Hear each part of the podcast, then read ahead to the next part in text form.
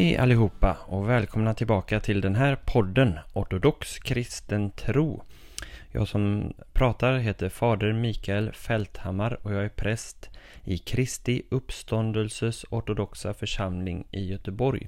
Och det här är första avsnittet på andra säsongen och det är riktigt roligt att äntligen få lite tid att sitta ner och spela in detta avsnittet.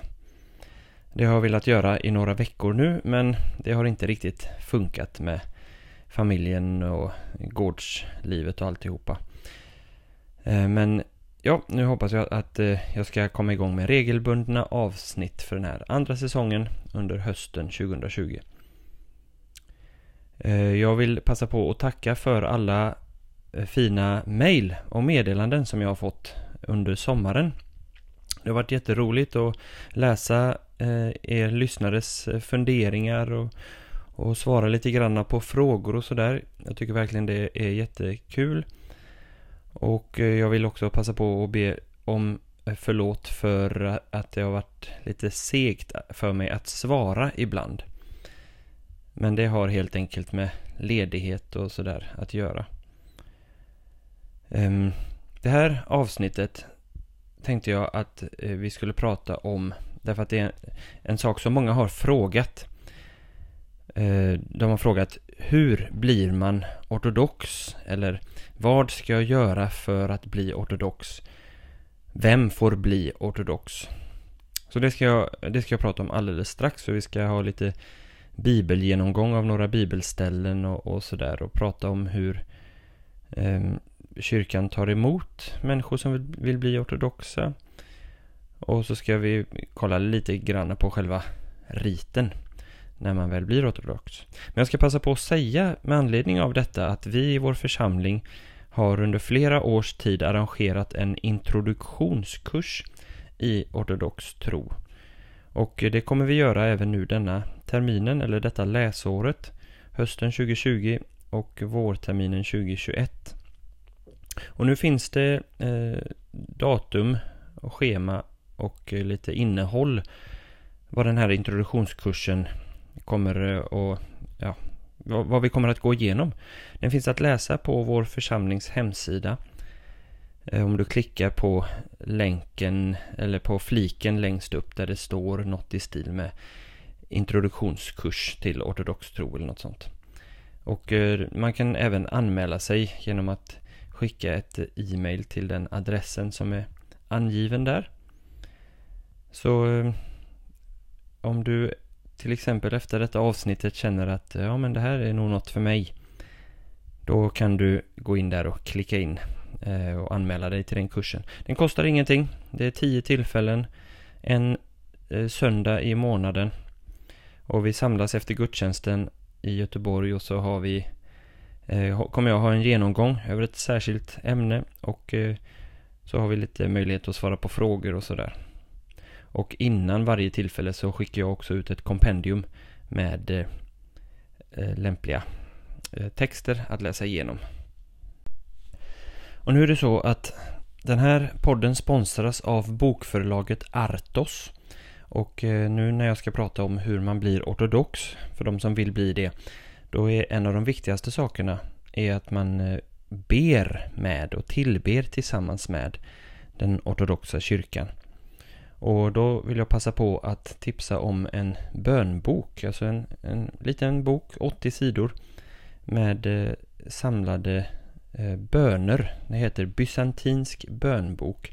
Och de, är, de här bönerna där i är hämtade från ortodox tradition och de är översatta och sammanställda av David Heit Stade som är eh, just nu, Eh, han är teologie doktor och är nu anställd på ett eh, universitet i Wien.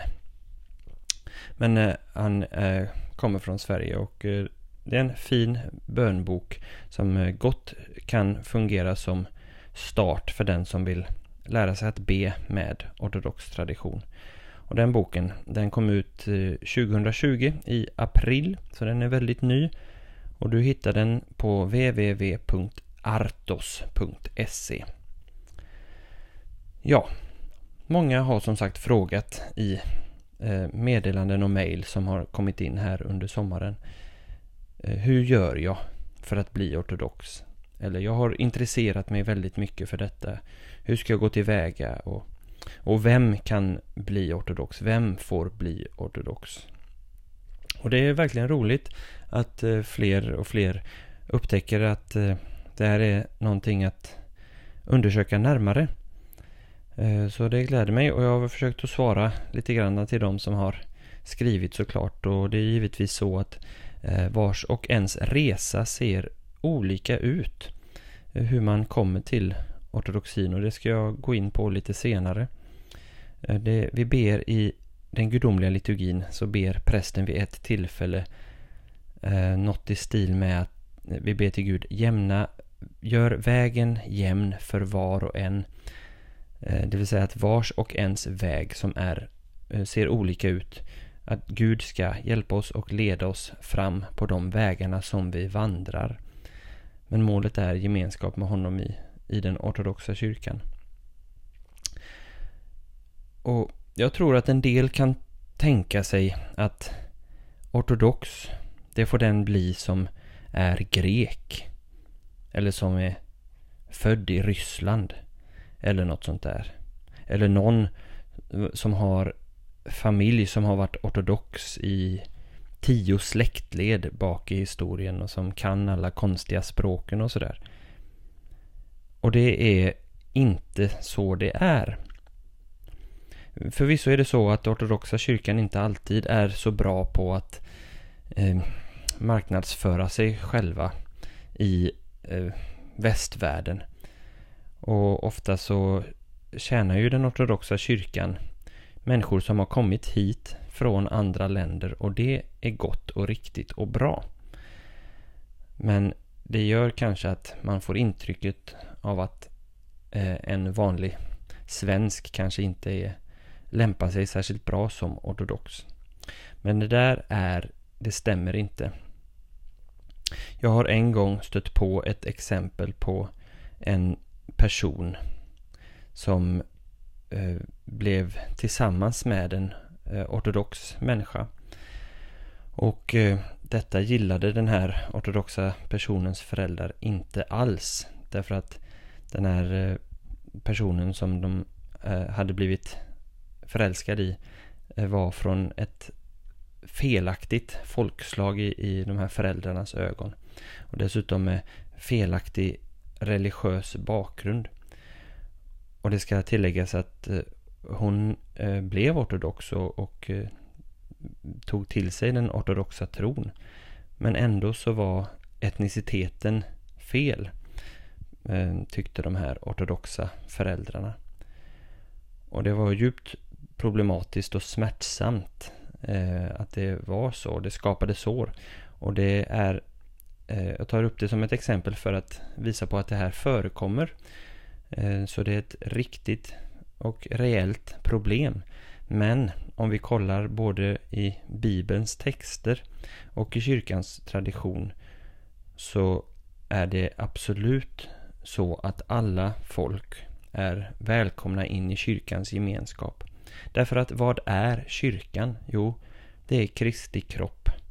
Och inte kan det väl vara så att ett folkslag skulle kunna uteslutas ur, ur eh, Kristi kropp eller att en person skulle kunna uteslutas ur Kristi kropp enkom på grund av denna personens eh, etnicitet.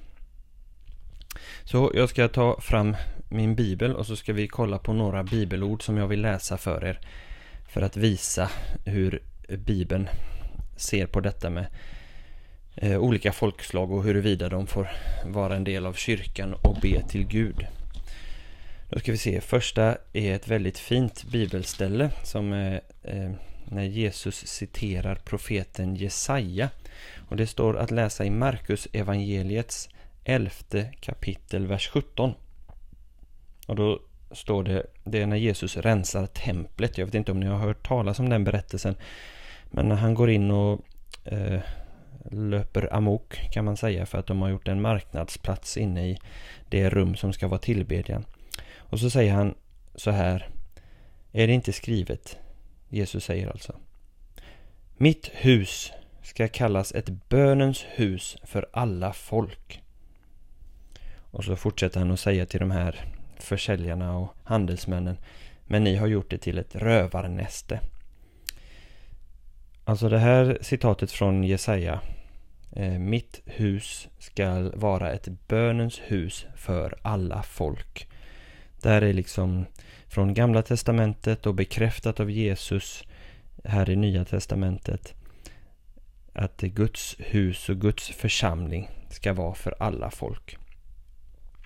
Sen så finns det aposteln Paulus skriver i Galaterbrevets tredje kapitel, vers 28 om de som kommer in i kyrkan via dopet. Och han, skri han skriver här i sammanhanget att ingen kommer att uteslutas på grund av jordiska kategorier från gemenskap med Gud genom dopet.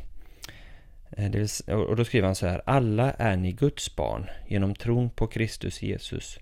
Alla ni som har blivit döpta till Kristus har blivit iklädda Kristus. Och här kommer det viktiga. Här är inte jude eller grek, slav eller fri, man och kvinna. Alla är ni ett i Kristus Jesus.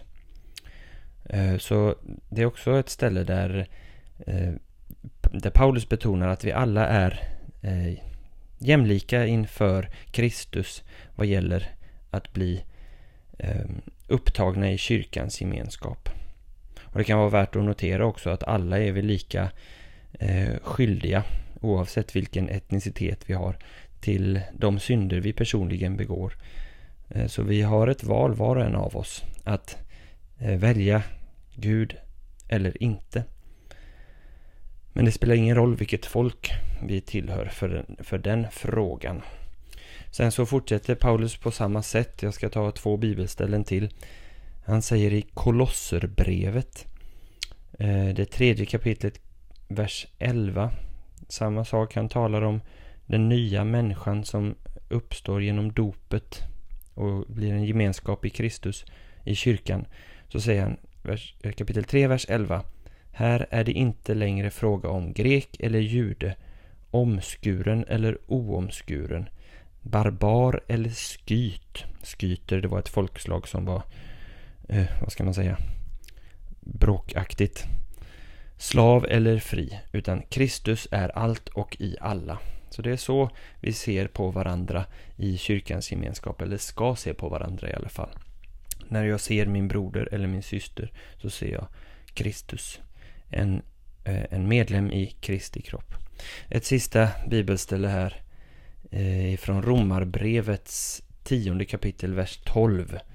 Och då står det, eh, eller vers 11 och 12. Skriften säger ingen som tror på honom, alltså Jesus, ska stå där med skam. Det är ingen skillnad mellan jude och grek. Alla har en och samma Herre och han ger sina rikedomar åt alla som åkallar honom. Ty var och en som åkallar Herrens namn ska bli frälst.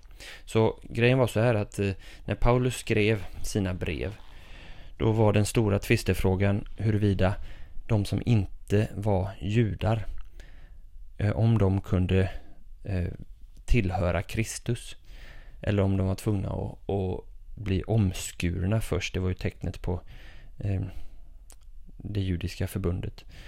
Eh, men kyrkan sa att nej, hedningarna, det som står grek här i de här bibelställena, de kan också vara en del av Kristi kyrka. Så alla folk är välkomna och även svenskar. Och det är ju härligt att veta. Eh, och det är också väldigt roligt för mig som har eh, förestått vår församling i Göteborg länge, under tio års tid.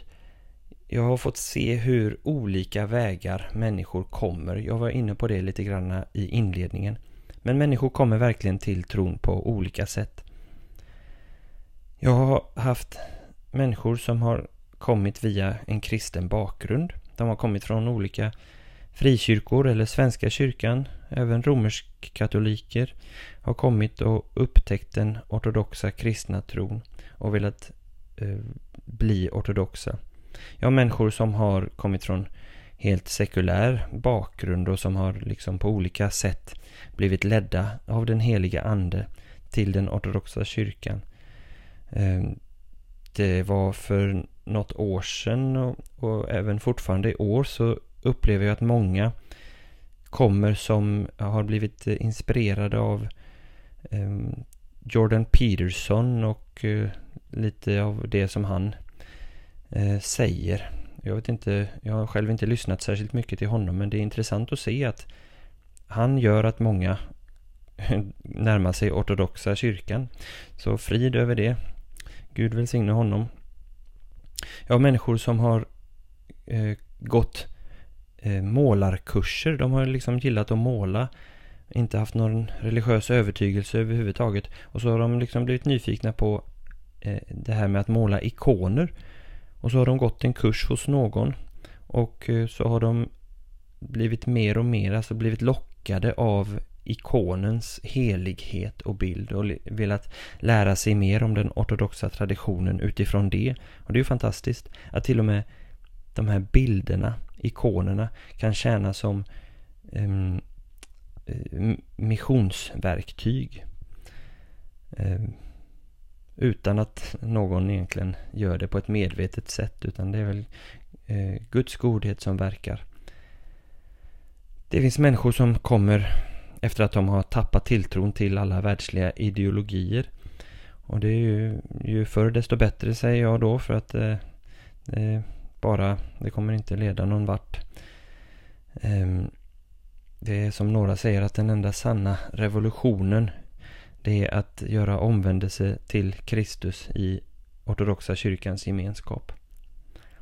En av de märkligaste vägarna som människor har kommit till den ortodoxa kyrkan, åtminstone i min närhet, det är några som har kommit via eh, sufiska texter, alltså muslimska mystis, mystikers texter. Det var väldigt unikt tyckte jag. Men hur som helst, alltså det, ni förstår grejen. Människor kommer från väldigt olika håll. Väldigt olika håll. Eh, och, eh, det är precis som det ska vara. Om man kollar på apostlarna och lärjungarna som följde med kring Jesus så kom de också från väldigt många olika håll. Där fanns eh, en selot, Simeon Seloten. Han var en politisk revolutionär. Så fanns det Mattias som var, eh, vad heter det, tullindrivare. Det vill säga han jobbade för den romerska statsmakten. Så han var en sell-out. Och så fanns det fiskare och Jesus själv var snickare och ja. Människor kommer från olika håll. Även prostituerade kom och följde Jesus och gjorde omvändelse. Och det går in på en annan viktig sak om vilka som får komma och bli ortodoxa. Eh, man måste vara perfekt. Nej, jag bara skämtar. Givetvis är det tvärtom. Jesus älskar syndare. Jesus älskar människor och alla människor är syndare och har gått miste om kunskapen om Gud och gemenskapen med honom. Och när man läser i evangelierna så slås man av att Jesus umgås. Han älskar att umgås med syndare. Inte för att de ska vara kvar i sitt syndiga tillstånd eller strunta i att göra bättring eller strunta i att omvända sig. Men han älskar dem därför att han ser dem eh, som de personer de är och han Eh, vet hur de är skapta och vad de kan bli och han upprättar människor till sina sanna jag. Det är svårt för oss att veta vilket som är vårt sanna jag i den här tillvaron. Därför att det är en så förvrängd bild av oss själva som vi har. Vi tror att vi gillar ditten och datten och sådär. Men när vi börjar eh, leva enligt Guds vilja i omvändelse till Kristus då börjar vi också upptäcka vårt sanna jag därför att de laster och lidelser och sår och synder som vi bär på börjar sakta och sakta falla bort, slipas bort och fram träder i mitt eget fall då får jag säga eh, den Mikael så som Gud skapade mig mer och mer. Ehm, och det får vi alla vara med om i kyrkans gemenskap. Så i kyrkan så är vi alltså ett gäng syndare som omvänder oss tillsammans. Och kyrkan, det är inte en plats dit man kommer för att bli utpekad och skrattad åt för att man misslyckades igen med sitt liv. Utan man kommer dit därför att det är ett sjukhus för själar, ett andligt sjukhus och en god gemenskap mellan kristna bröder och systrar. Eh, där vi tillsammans omvänder oss och där vi tillsammans blir läkta av Gud. Så även, det spelar alltså ingen roll vilken etnicitet man har, vilket yrke eller bakgrund, vilket kön man har, eller huruvida man är en syndare eller inte. Alla är vi ju syndare, det är ju den kristna bekännelsen. Det är bara att en del är kanske mer medvetna om det än andra. Alla är välkomna in i kyrkans gemenskap. Men hur? Nu har jag svarat på frågan om eh, vem. Men då går vi till frågan om hur. Och där får man säga att det beror lite på. I vår församling, jag kan säga hur vi gör, så har vi som sagt den här introduktionskursen och den utgör en grundläggande bas för de som vill bli ortodoxa. Eller bara är intresserade av att lära sig mer. Man behöver inte bli ortodox efter att man har gått den kursen. Men man kan bli det. Och det är inte så att den kursen på något sätt är uttömmande.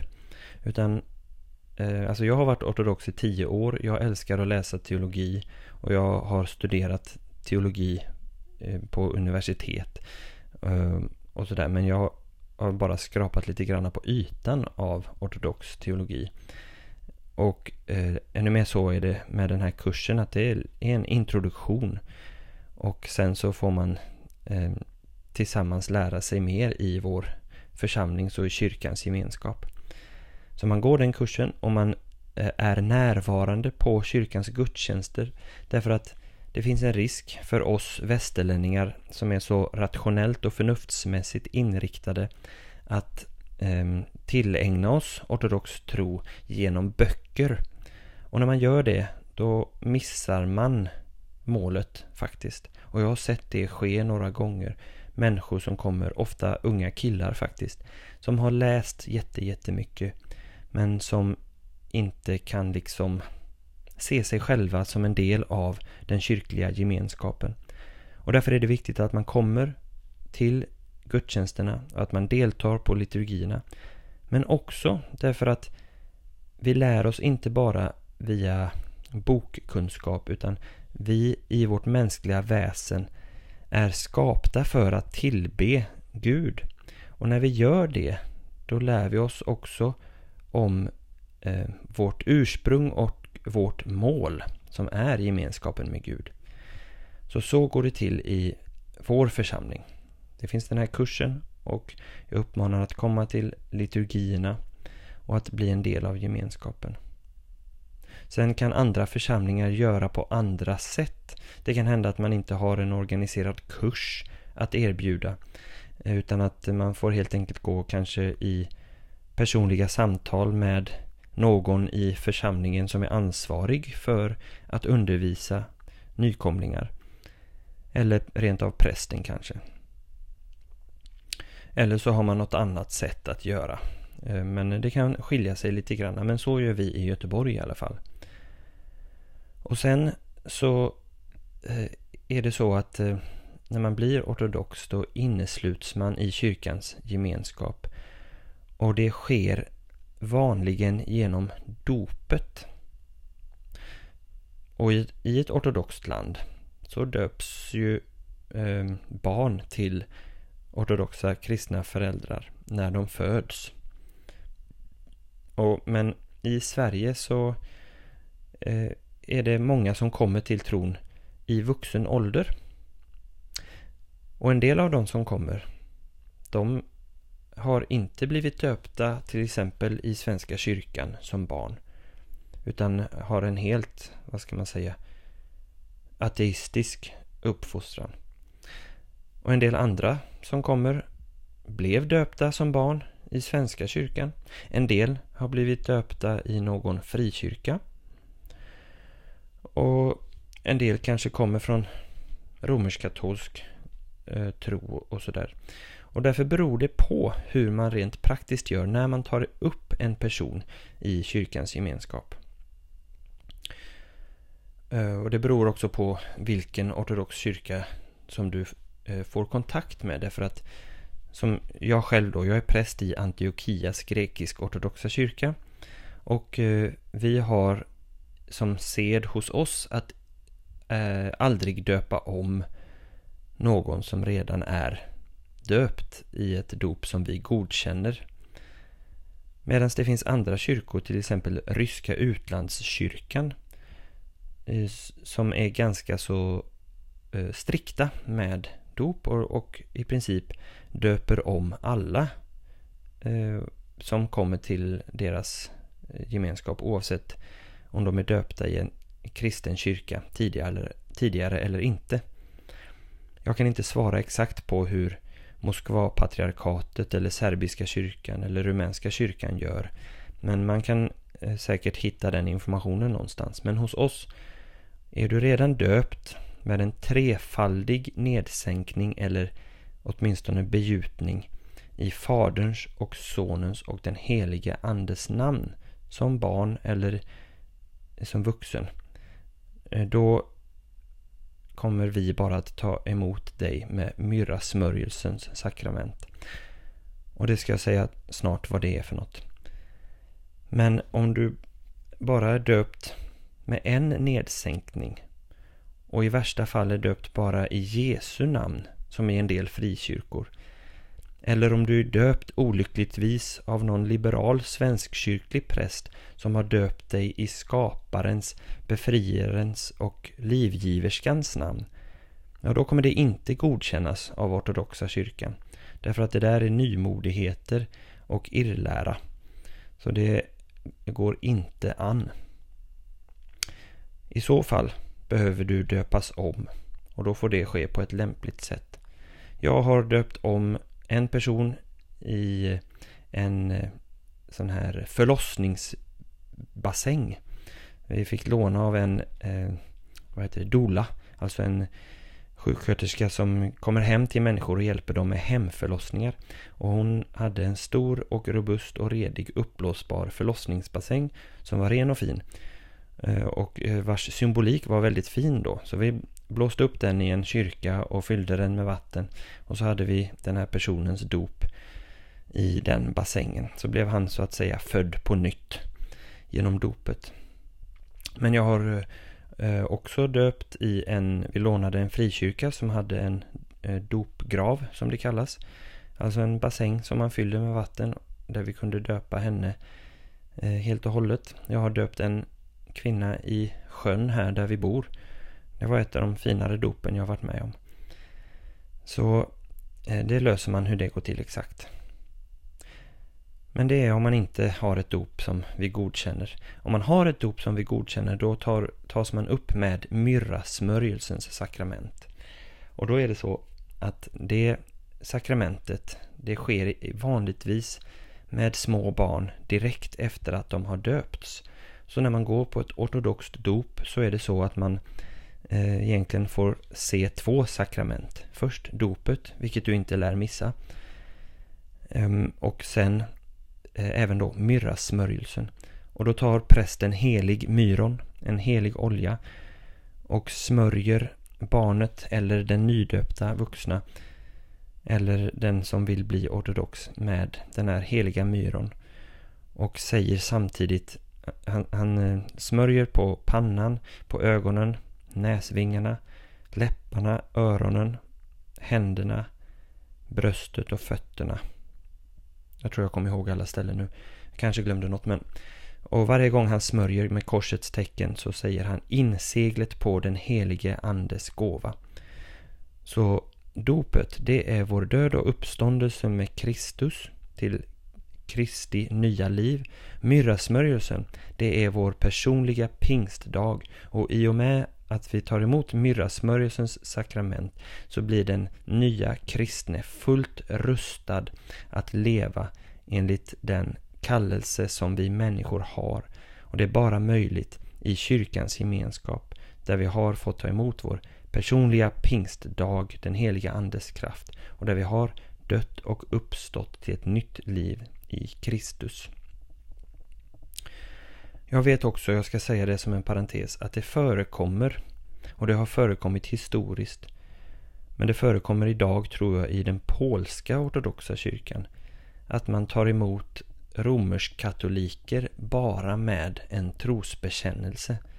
Det vill säga de får gå till prästen och bekänna den ortodoxa tron utan filioque till exempel. Då. Och eh, så räknas det som en fullgod upptagning för dem. Men eh, eh, så har inte vi det i Antiochia och jag tror inte det är så vanligt heller. Om man nu kollar nu eh, på eh, själva riten, dopriten, så ser den någorlunda samma ut oavsett om man är vuxen eller ett barn. Den börjar med att man står, om detta sker i kyrkan nu då, om det inte sker utomhus, men om man står i kyrkan så börjar man längst bak i motsvarande vapenhuset och så står man vänd mot väster. Och så ber prästen tre långa exorcismer, alltså böner där man driver ut alla onda andar. Och sen så blåser prästen i korsets tecken över den som ska låta, eh, låta sig bli döpt.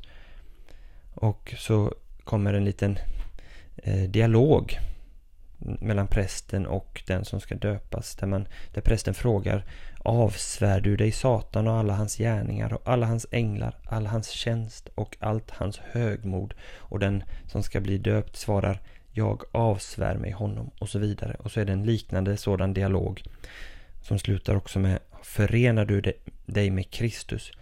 Jag har förenat mig med honom. Och tror du på honom? Ja, jag tror på honom som konung och Gud. Och detta visar på att det är eh, svartvitt. Det är som eh, Bob Dylan sjunger You gotta serve somebody eh, på Slow Train Coming, det albumet. You gotta serve somebody. Det är inte så att om vi väljer bort Gud så är vi fria och har valmöjlighet att välja och tjäna eh, oss själva eller vad vi vill. Vi kommer att eh, tjäna någon och vi människor gör bäst i att tjäna Herren Jesus Kristus och tro på honom som konung och Gud och leva ett gott kristet liv. Så så började dopet med den svartvita eh, inställningen där vi vänder oss från mörkret till ljuset. Så man vänder sig också då till öster sen. Där det är alltså eh, det vädertecken där solen går upp. Och eh, dit ber alltid kristna och dit är kyrk, våra kyrkor riktade och så vidare. Och sen så kommer själva dopets eh, mysterium, dopets sakrament, då prästen ber ett par långa böner över dopfuntens vatten och tecknar korsets tecken över det så att det ska bli ett livgivande vatten. Traditionellt i, i, i mänsklighetens historia så har vatten ju både symboliserat kaos, kaosmakterna och livet. Ett skepp kan gå under plötsligt i en storm, men vattnet är också det som ger skörd och liv. Och sen när eh, prästen är färdig med allt det så döps man med trefaldig nedsänkning helt och hållet under vattnet. Och prästen säger Guds tjänare och namnet då, Guds tjänare Mikael döps i Faderns och Sonens och den helige Andes namn. Amen. Och så sen direkt efter det så kommer myrrasmörjelsens sakrament. Och som sagt, jag har redan pratat lite grann om vad det är. Eh, efter den så klär man på sig torra kläder eller klär på barnet torra kläder. Och så kommer skriftläsningar. Vi läser från eh, Romarbrevets sjätte kapitel där Paulus bland annat skriver Vet ni då inte att vi alla som har blivit döpta till Kristus Jesus har blivit döpta till hans död? Och att vi också får nytt liv i Kristus Jesus. Och sen evangelieläsningen. Det är vid Kristi himmelsfärd från Matteus 28 kapitel. När Herren Jesus säger Mig är given all makt i himlen och på jorden. Gå därför ut och gör alla folk till lärjungar Döp dem i Faderns och Sonens och den helige Andes namn och lär dem att hålla allt vad jag har befallt er. Och se, jag är med er alla dagar in till tidens ände. Så det är en mycket lämplig text vid eh, eh, dopet, givetvis. Man får också, när man döper sig, eh, nu gick jag bara jättesnabbt igenom den här riten. Eh, när man blir upptagen i kyrkans gemenskap så får man också en fadder eller en gudfar eller gudmor. Och det är för att man inte ska liksom kastas i på djupa sidan i bassängen utan att ha någon som hjälper en. Någon som ber för en. Du får också en skyddsängel eh, som ber för dig inför Gud. Och eh, den här fadden är, ja, man har olika relation till den, men det är en eh, förebedjare först och främst. Ett mycket ansvarsfullt och vackert uppdrag som man kan få. Ehm, och också en person som du kan gå till om du har frågor och funderingar kring tron. Därför att som sagt, du döps också in i en gemenskap. Så då har vi pratat lite grann om eh, vem som får bli ortodox, ehm, folkslag och huruvida man får vara syndare eller inte. Vi har pratat lite grann om hur det går till, hur man Eh, går i förberedande skola så att säga. Och lite grann om själva riten. Och det är ganska så kortfattat detta men det ger kanske ett hum om hur det går till för den som är intresserad. Och jag älskar ju, jag brukar säga om någon frågar mig, är det någonting du saknar från din protestantiska bakgrund? Då kan jag ibland säga att ja, jag älskar de eh, salmerna och läsarsångerna som vi ofta sjöng under de gudstjänsterna när jag var protestant. Men då kan man lyssna till, de lyssnar jag till ändå på skivor ibland och, och eh, ibland så händer det att jag spelar dem på gitarren också. Och det finns en gammal läsarsång som har en vers som är ganska så lämplig här nu vid detta tillfälle till dig som står och väger och undrar är detta något för mig? Då säger Jesus i den här läsarsalmen Jesus nu väntar, han manar och kallar, kallar den trötte, kom hem.